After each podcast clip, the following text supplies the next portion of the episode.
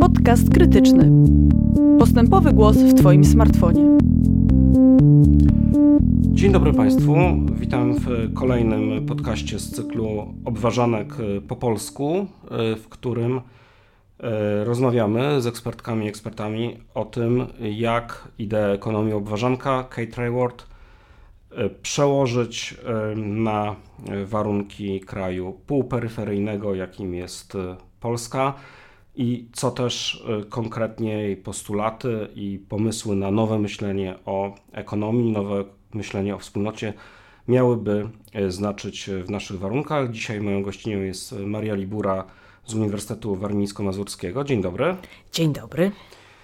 I dziś będziemy dyskutować na temat ludzkiej natury w Polsce.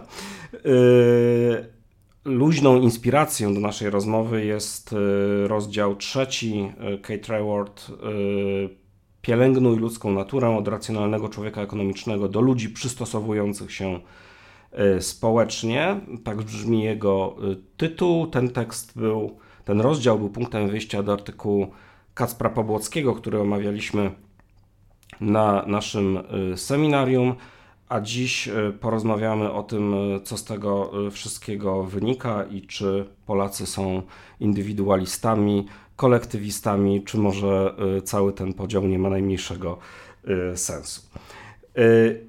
I zacząłbym może od kwestii nieco ogólniejszej, to znaczy obważanek Kate Rayward zakłada, że musimy się zmieścić jakby między takimi dwiema granicami.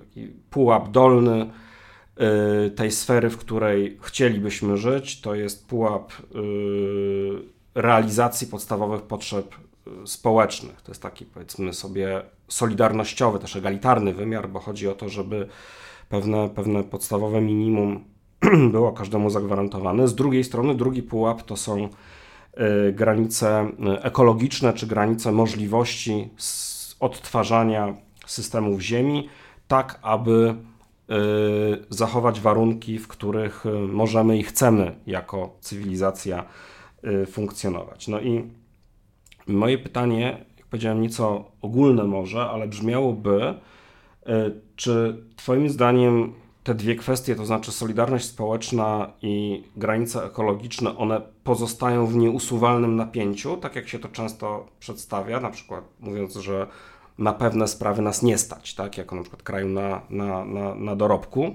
związane z, z polityką ekologiczną a może przy jakichś założeniach, także założeniach na temat naszych aspiracji yy, i tego, co niektórzy naturą ludzką nazywają, te dwie kwestie dałyby się yy, pogodzić yy, w warunkach polskich.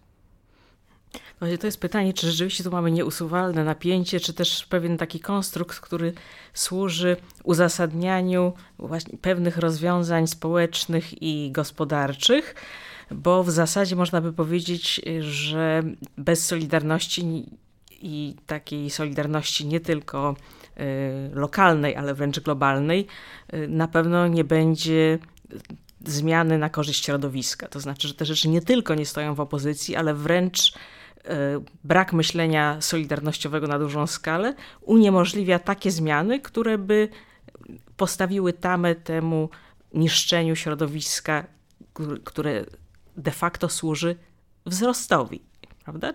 I pytanie być może jest w związku z tym zupełnie odwrotne, to znaczy, czy, czy możliwa jest solidarność przy naszym przywiązaniu do idei wzrostu i takiego antyegalitarnego, antysolidarnościowego e, etosu indywidualnego rozwoju, właśnie przeniesionego z tej przestrzeni gospodarczej także na życie każdej jednostki. Mhm.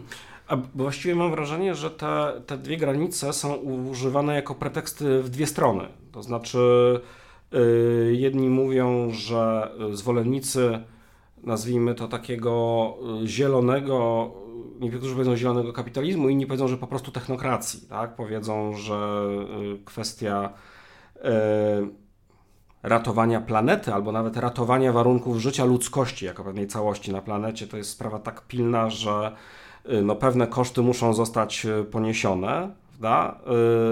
I to byłby jakoś dyskurs pewnie analogiczny do tego, który znamy z lat, z lat 90.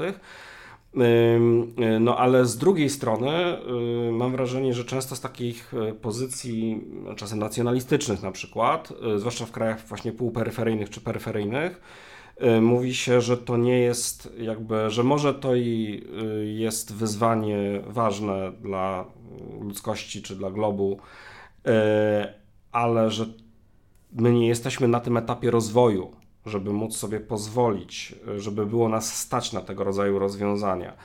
Mm, który problem jest poważniejszy u nas? Oba problemy są ze sobą ściśle związane, bo to tak naprawdę oddaje taką dużą debatę, która się właściwie toczy globalnie o to, kto de facto poniesie koszty tej zielonej transformacji. I oczywiście pokusa krajów wysoko rozwiniętych i elit, żeby zepchnąć koszty tej transformacji na tych, którzy już teraz ponoszą wcześniejsze koszty rozwoju, jest olbrzymia. Czyli albo na południe, albo na swoje peryferie, najczęściej jedno i drugie. Najczęściej na jedno i drugie i y, ta y, wyrażana czasami w taki sposób, y, w takim językiem antyekologicznym intuicja, że nas na to nie stać, być może jest tak naprawdę próbą jakby wskazania na to, że te koszty na nas mogą zostać przerzucone. I tutaj y, paradoksalnie jakby większe uświadomienie i poszerzenie tego języka, także tych środowisk, które są obecnie antyekologiczne, o, tak, o, o większy wgląd, o co, o co tak naprawdę toczy się gra, może ułatwić tą transformację, a nie ją utrudnić. I tu przypomina mi się mm, właśnie debata, która miała miejsce na zorganizowanej niedawno zresztą w takim y, ciekawym miejscu, bo y, na Watykanie przez pontyfikalną Y, Akademii Nauk Społecznych y, konferencji, którą zorganizował y, Polski Ruch Pacjent Europa, która zresztą zgromadziła dosyć, powiedziałabym, ekumeniczne grono od przedstawicieli duchowieństwa po bardzo progresywnych ekonomistów. I tam te wątki przebijały się nieustannie. I przede wszystkim y, bardzo mocny głos Związku, Europejskich Związków Zawodowych, które właśnie zwracały uwagę na to, że y, w tej chwili musimy walczyć o to, żeby właśnie nie popełnić tego błędu, który w jakimś sensie popełniono y, w latach 90 i później wobec krajów Europy Środkowo-Wschodniej, dlatego że skutki społeczne i polityczne, nawet jeżeli są odroczone, są potężne. Czyli jeżeli chcemy zielonej transformacji, nie można budować jej w sposób, który generuje, nawet jeżeli z pewnym opóźnieniem, bardzo duże napięcia poprzez pewnego rodzaju niesprawiedliwe rozłożenie obciążeń. Mm. No właśnie. I y, ten czynnik y, ekonomiczny, czy ta, czy ta rozgrywka między różnymi grupami interesu, to jest, to jest jeden element. Y, drugi, o którym się często mówi, to, jest pewne, to są pewne takie dyspozycje, no właśnie, jedni powiedzą, że kulturowe, mentalne, E, krótko mówiąc, e, skłonność, zdolność do zachowań, czy to solidarystycznych, czy kolektywistycznych, altruistycznych, to jakby jeden byłby biegun, tak, i drugi, no to jest przekonanie takie indywidualistyczne, które znowu może oczywiście skutkować praktycznie bardzo różnymi zachowaniami, ale Y, to jest, y, to, byłby ten, te, te, ten biegun myślenia jakby o, o, o zbiorowości, no, w którym y, no z jednej strony jesteśmy jako jednostki przede wszystkim odpowiedzialni no, za to, co się dzieje, no, także z naszym środowiskiem, z naszym otoczeniem, no a z drugiej strony, że rewersem tego no jest po prostu takie przekonanie, że w sytuacji jakiegoś kryzysu, także ekologicznego, no po prostu każdy musi sobie sam radzić i jakoś, jakoś odpowiadać na te, na, na zmianę tych warunków. I niektórzy próbują dyspozycję do pewnych zachowań, na przykład akceptację bądź jej brak dla diagnozy na temat kryzysu klimatycznego, a także dla polityk, które są proponowane, no, sprowadzać właśnie do takich dużych, yy, dużych cech charakterystycznych zbiorowości, prawda? Że jak jest, mamy społeczeństwo na przykład bardzo indywidualistyczne, no to ludzie wtedy niechętnie poddają się różnym e, politykom, na przykład prowadzącym do ograniczenia e, konsumpcji. Prawda, indywidualnej. No a gdyby byli na przykład bardziej właśnie nastawieni na zbiorowość i dobro wspólne, to wtedy bardziej by im na tym wszystkim zależało.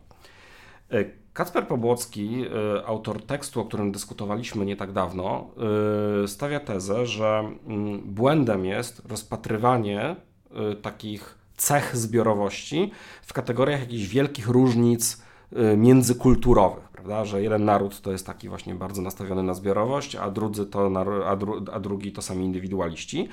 On mówi, nie ma różnic międzykulturowych, natomiast są rzeczywiście historyczne struktury władzy, yy, które powodują, że na przykład mamy częściej w danej zbiorowości skłonność na przykład do jakiegoś typu zachowań czy do jakiejś strategii. No więc chciałbym zapytać, czy ten, czy ten spór a propos Polski, Polek i Polaków, czy my jesteśmy tacy indywidualistyczni, czy jesteśmy raczej właśnie kolektywistyczni, bo to w zależności od tego, kto pisze i z jakiej pozycji yy, jedną i drugą diagnozę stawiano. Y, czy ten spór w ogóle ma, y, ma sens w kontekście tego, tych kryzysów, z którymi się mierzymy? A może ewentualnie dałoby się jakoś te, te, te opozycje tak, tak sformułować, czy tak opisać, żeby no, przyniosła coś konstruktywnego? No tutaj jest bardzo dużo rzeczy do rozczesania i chyba jednak trzeba zacząć od samego tego podziału, czyli tego, czy rzeczywiście e, kolektywizm i indywidualizm to są dwa krańce pewnego spektrum, bo w zasadzie nawet w samym... I tu mamy protestantów na przykład, prawda, i oni potem budują Skandynawię. O, o, na przykład, tak, tak, prawda? Tak. Bo sam ten, y, ten podział, chociażby w, w tych naukach, które zajmują się różnicami kulturowymi, jest już od dawna kwestionowany jest wiele innych teorii. Te, Dlaczego? Dlatego, że wszystko, co. Znaczy ten podział na te dwa krańce spektrum, indywidualizm kolektywizm, jest oczywiście intuicyjnie bardzo taki atrakcyjny i jak większość takich bardzo intuicyjnie atrakcyjnych e, podziałów, e, niewiele nam mówi o rzeczywistości, a jak próbujemy go rozebrać, to okazuje się bardzo skomplikowany, prawda? Czy jak próbujemy to jakoś e, zoperacjonalizować. I niektórzy badacze wręcz twierdzą, że de facto to są dwa różne wymiary, którymi można opisywać społeczeństwa, czyli że mamy ten wymiar kolektywistyczny i wymiar indywidualistyczny i że one nie są krańcami tego samego spektrum. Inni wprowadzają jeszcze tam podziały i różne poziomy tak, funkcjonowania zbiorowości. Tak? Które mogą e, współistnieć. I e, na pewno nie jest to e, taka wyczerpująca narzędzie, które potrafi jakby wyczerpująco wyjaśniać różnice, które istnieją pomiędzy społeczeństwami, czyli jeżeli taki podział ma mieć jakiś sens, to de facto potem wymaga takich skomplikowanych właśnie podskal i podziałów, czyli wprowadzenia tych kolejnych wymiarów. I tu jest taka jedna ciekawa rzecz, bo powiedziałeś, że jakby kolektywizm to jest altruizm, prawda? A tak mhm. wcale nie, nie musi być. Czyli te, te chęć czy skłonność do takiej bezinteresownej pomocy wcale nie musi być cechą społeczeństw, y, które wysoko cenią y, kolektywizm. Tam jeszcze wchodzi, są w grę kwestie rozumienia hierarchii. Kolektywizm też może być hierarchiczny, wcale nie musi być gra, I też pewnie granic tej wspólnoty, bo y, kolektywistyczne społeczeństwo może wykluczać bardzo konkretne grupy z prawa na przykład do e, solidarności czy jakichś zachowań no, takich innych niż bezpośrednio interesowne. No, więc tu widać, że nie jest, nie, że, to, że to oprzyrządowanie nie do końca rozwiązuje nam obecne problemy i niekoniecznie jest też dobrym narzędziem opisu tego problemu, który, który ewentualnie można powiedzieć, że mamy w Polsce z akceptacją dla pewnych y, zmian, ba, bardziej w kierunku takiej y, samoograniczenia, prawda? No bo to ten y, mm, odwrócenie od wzrostu, y, prawda, przejście na inny sposób myślenia y, o społeczeństwie, to jest de facto y, no, potrzebuje nowego dyskursu, dyskursu, w którym e, wróci coś, czego e, nie lubimy, a kiedyś funkcjonowało pod nazwą asceza, prawda, w innym porządku. Asceza może się różnie kojarzyć e, jako coś wzniosłego i pożądanego, ale też może przywoływać wspomnienie okresu transformacji, jako czasu wyrzeczeń, zwłaszcza w polskim kontekście. I to jest dobry, jak sądzę, moment, by wrócić do wątku, o którym mówiłeś podczas naszego seminarium e, wokół eseju Kacpra Pobłockiego, a mianowicie do indywidualizmu, który bywa traktowany jako pewna cecha narodowa Polek i Polaków, wartościowana pozytywnie lub negatywnie, no niemniej jakoś e, dla nas charakterystyczna, dla nas jako zbiorowości. Wskazałaś wtedy, że po roku 1989 argumenty indywidualistyczne pomagały legitymizować demontaż zbiorowych instytucji zabezpieczenia społecznego uzasadniały też prymat przedsiębiorców nad pracownikami i zaradności osobistej ponad myśleniem w kategoriach interesu zbiorowego. Indywidualiści, czy indywidualizm jako cecha Polek i Polaków, to nie był zatem opis rzeczywistości społecznej, czy jakichś powszechnych u nas kodów kulturowych, lecz pewien wytrych argumentacyjny. A zatem diagnozą tego, jacy Polacy i Polki są, jakie tylko był pewną, no, pewnym takim, taką dźwignią służącą do yy, usprawiedliwienia czy uzasadnienia pewnych zmian y, politycznych. I nie przypadkiem jednak ten język i to, to pojęcie indywidualizmu zadziałało. Znaczy w dużej mierze przyjęło się, znaczy miało podatny grunt, znalazło bardzo podatny grunt. No między innymi dlatego, że lata 90. poprzedzały lata 80., czyli przedłużony kryzys gospodarki i społeczeństwa socjalistycznego, no, jakieś niepowodzenie polityczne Solidarności, która się zakończyła stanem wojennym, yy, doświadczenie gospodarki niedoboru i tak dalej, i tak dalej.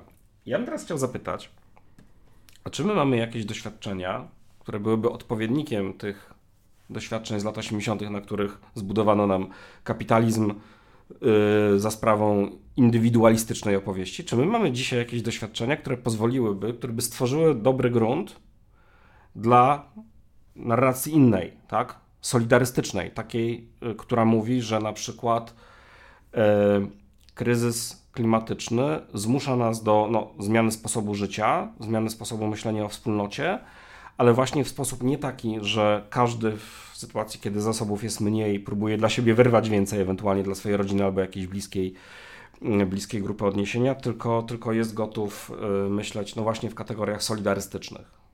Na jakim, jakie doświadczenia pozwalają, czy dają jakąś nadzieję w ogóle, że taką opowieść można sprzedać.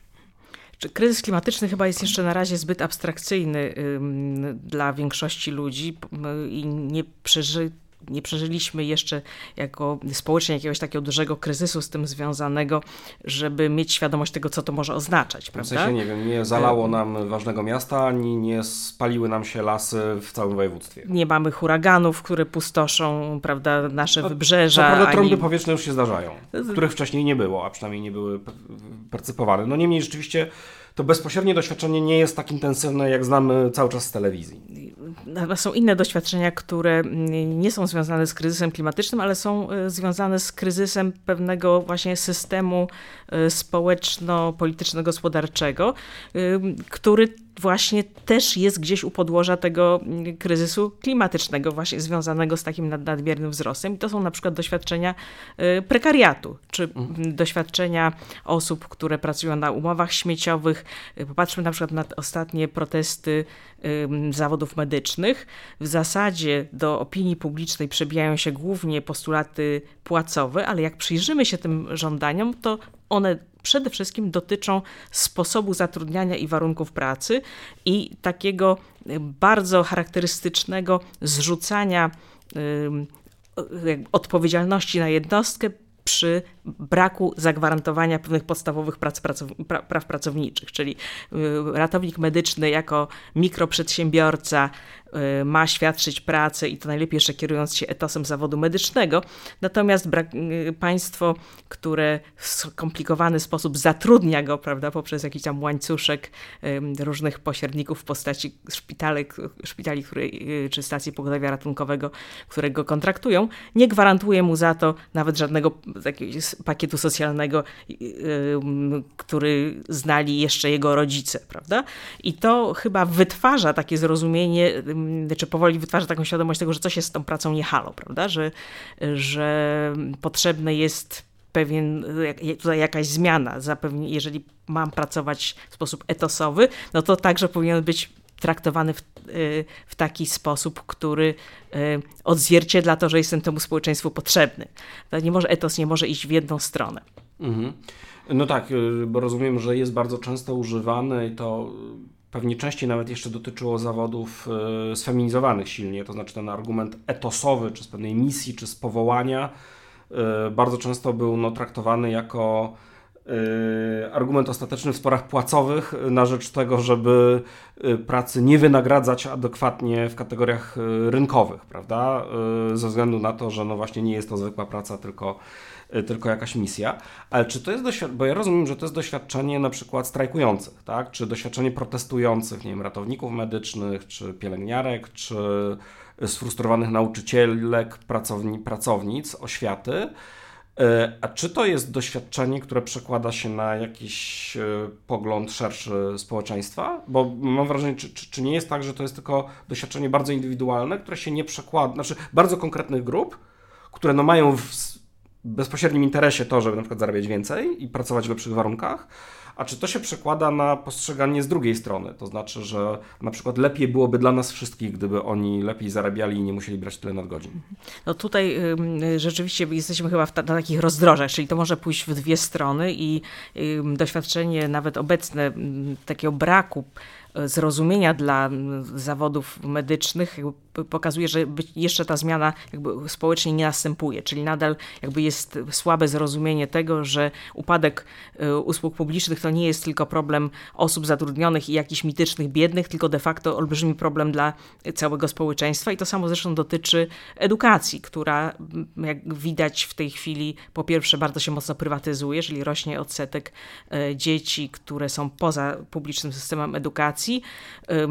Publiczny system ma coraz większy problem w ogóle z zatrudnianiem e, nauczycieli, z chętnymi do pracy i nadal nie jest to chyba jeszcze wystarczającym impulsem do zrozumienia tego, że za chwilę może nas czekać naprawdę duża katastrofa społeczna związana z tym, że te usługi publiczne nam e, padną. Być może niestety taki kryzys jest y, jakby potrzebny do tego, żeby zrozumieć y, związane z nim zagrożenie, ale też jest chyba potrzebna taka duża praca y, ze strony właśnie i tych samych grup zawodowych i też tych, którzy opisują rzeczywistość, czyli na przykład właśnie publicystów, badaczy i naukowców, żeby uświadamiać skutki tego, co się wydarzy, bo my wiemy, co się może wydarzyć, chociażby z tych, w, w, na przykładzie tych krajów, w których tych podstawowych usług Y, nie ma albo są bardzo ograniczone. Mm, mm, no właśnie, tylko, bo jak y, kiedy odwoływałem się do tych lat 80. i tego doświadczenia mm, syłkowego socjalizmu, które potem przełożyło się na to, że możliwy był, y, czy akceptowalny był taki przekaz bardzo silnie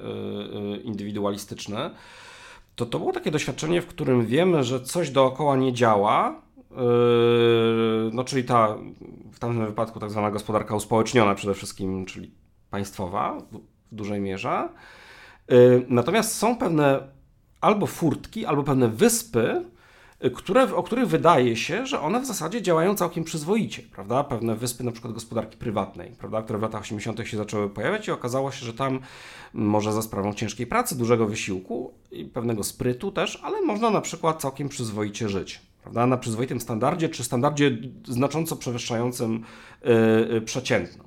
Prawda? Do tego jeszcze był pewien wzór na zewnątrz, prawda? to znaczy kraje kapitalistyczne, postrzegane w sposób wybiórczy bardzo, raczej w kategoriach mitu bardziej niż, niż, niż realnego doświadczenia, albo też wybiórczego właśnie doświadczenia tamtych krajów. No ale niemniej to wszystko się składało na taką opowieść, że jak mamy socjalizm, jak mamy kolektywizm, jak jest wszystko wspólne, to jest niczyje, prawda? Yy, I że i do tego jeszcze nie działa i jest nieracjonalne.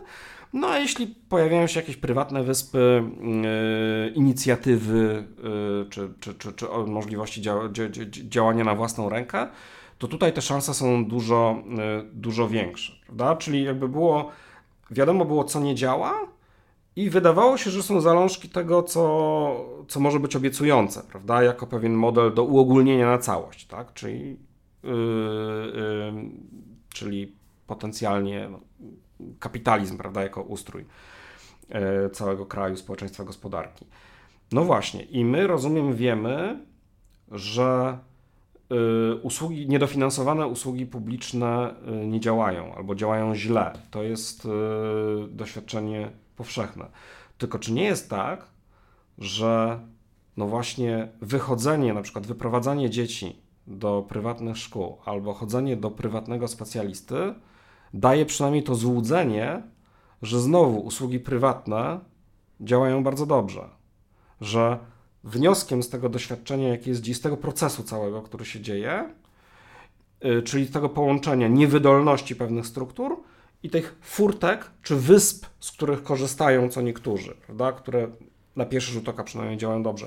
Czy to nie prowadzi no właśnie do, yy, no do innego mechanizmu niż w tym 1989 roku? To znaczy, że na nieudane usługi publiczne przyjdą nam do głowy po prostu yy, sprywatyzowane usługi jako, jako pomysł, jako oferta. I radzenie sobie samemu, na przykład dzięki obniżonym podatkom. To był chyba mechanizm e, właśnie popularności takich usług, jak chociażby e, abonamenty medyczne, który doprowadził do ich de facto zapchania, czyli nagle się okazuje, że... Prywatne też może nie działać. Albo, że nawet do, na wizytę w ramach abonamentu u specjalisty czeka się dłużej niż e, w kolejce na Narodowy Fundusz Zdrowia. I, i, więc to doświadczenie się kończy i coraz więcej zresztą jest takiej świadomości, że ten y, segment komercyjny nie obsługuje, mm, przynajmniej w zdrowiu, nie obsługuje tych najcięższych y, przypadków i kiedy coś jest naprawdę źle i potrzebna jest skomplikowana operacja, to odsyła do sektora publicznego, który po prostu ma te zasoby i kompetencje i możliwości przeprowadzenia tych y, właśnie najtrudniejszych y, procedur. Więc wydaje się, że, że tutaj się zaczyna jakaś y, y, zmiana. Pytanie, czy do tego czasu system, do czasu, kiedy ta świadomość społeczna będzie na tyle duża, żeby pozwolić na dofinansowanie sektora publicznego, czy ten sektor publiczny przetrwa w wystarczająco dobrym stanie, prawda? I to, czyli jak długo to potrwa. Ale ja bym wróciła jeszcze właśnie do tych lat 80. i do, do tego, co się wtedy wówczas wydarzyło, jeżeli chodzi o znaczy, czy przełomu lat 80. i 90. i tego ubiegłego wieku i tego, jak bardzo łatwo um, dało się budować na tym micie indywidualizmu, bo tam chyba kluczowy jest um, taki moment, w którym mamy de facto pewnego rodzaju, tutaj znów się odwołam do języka teologicznego e, i zaraz powiem dlaczego, taką obietnicę zbawienia na ziemi i to właśnie e, i tym zbawieniem jest konsumpcja, prawda? To jest, dlaczego się odwołuję do tego języka teologicznego, bo jedną z takich chyba najciekawszych krytyk tego współczesnego porządku, który nie jest tylko porządkiem gospodarczym. I to też widać chociażby właśnie w całej tej książce obważankowej, prawda, że tam się mówi, że ekonomia przestała być ekonomią, de facto staje się antropologią. A, e, ale jak e, mówią niektórzy, ona jest czymś więcej niż antropologią, że ona de facto jest swego rodzaju teologią. I właśnie dwóch e, teologów katolickich ze Stanów Zjednoczonych, Matthew Eggmeyer i, i, i, i Peter Fries, napisali taką krytykę Y, neoliberalizmu jako pewnego rodzaju teologii z punktu widzenia akurat katolickiej nauki społecznej, która wydaje mi się, że jest niezwykle trafna, bo oni twierdzą, że y, żeby zrozumieć to, co się dzieje na świecie y, w tej chwili jako pewien porządek i to w jaki sposób doszło do tego, że cały, jest cały zestaw poglądów dotyczących um, wolnego rynku, które uznajemy za tak naturalne, że ich nawet nie kwestionujemy, to musimy się spojrzeć na te przekazy właśnie nie jako na przekazy badaczy ekonomii, prawda? tylko jako na pewne przekazy kształtujące de facto życie społeczne, które mają wymiar teologiczny. I że klucz tej teologii polega na tym, że e, e, to, to rynek staje się swoistym e, bóstwem, a rolą państwa jest chronienie tego rynku przed ludźmi. To nie jest może specjalnie optymistyczny akcent y, ani sposób postawienia sprawy, niemniej nie tylko optymizmu, ale przede wszystkim wnikliwych diagnoz poszukujemy w naszych rozmowach. Moja gościni, Maria Libura z Uniwersytetu Warmińsko-Mazurskiego wskazała, że przypisywanie nam jako społeczeństwu takich cech jak indywidualizm czy kolektywizm, a już tym bardziej wyciąganie z nich wniosków na temat możliwości zmian naszych zachowań, m.in. w kontekście kryzysu klimatycznego, nie ma wielkiego sensu. Ważne jest bowiem co innego. Y, po pierwsze, poczucie sprawiedliwości rozwiązań politycznych, jakie niesie transformacja i polityka klimatyczna. Po drugie, uświadomienie sobie tego, jaka właściwie jest skala wyzwań, przed którymi stoimy. I wreszcie, po trzecie, fakt, że dotychczas dominujący, uwarunkowany poprzednią ustrojową, kapitalistyczną transformacją, model naszych zachowań nastawiony na indywidualne radzenie sobie z problemami systemowymi napotyka na nieznane dotąd bariery. Przekonali się o tym zwłaszcza ci, którzy kryzys opieki zdrowotnej próbowali ostatnio przetrwać dzięki abonamentom medycznym i usługom prywatnym. To była kolejna, nie ostatnia bynajmniej, rozmowa z cyklu Obważonek po polsku, przygotowana przez krytykę polityczną we współpracy z Fundacją imienia Heinricha Bella. Ja nazywam się Michał Sutowski i zapraszam do wysłuchania kolejnych, a także archiwalnych podcastów, po które zapraszam Państwa na stronę www.krytykapolityczna.pl ukośnik podcast, a także na platformy takie jak SoundCloud, Apple Podcast i Spotify. Do usłyszenia.